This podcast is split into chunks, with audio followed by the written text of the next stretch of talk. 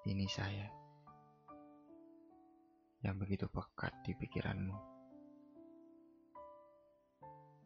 Meskipun kita tidak bersama, tapi tidak apa. Setidaknya kita sejalan. Mungkin nanti kau akan pergi, atau saya yang pergi. Kita adalah dua insan dengan berjuta rasa dan mungkin berjuta kebahagiaan. Tapi, jika semesta tidak mengizinkan, lantas saya harus berbuat apa? Berjuang. Ah, saya sudah lelah. Saya sudah sampai di titik di mana perjuangan akan terasa sangat sia-sia. Mungkin nanti kita akan kembali. Kembali di awal, di mana kita asing yang tidak membutuhkan saling.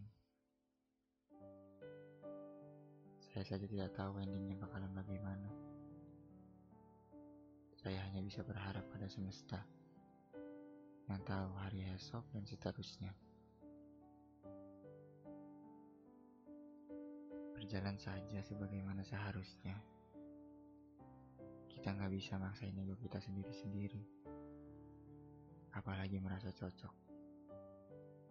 Padahal ada semesta yang tahu segalanya. Sebab, bagaimanapun indahnya mimpi, semesta selalu mempunyai rencana sendiri. Nanti, kalau kita bersama, saya ingin mengajakmu ke bulan saja. Saya tidak akan mengajakmu bersampan. Karena saya lelah bersampan.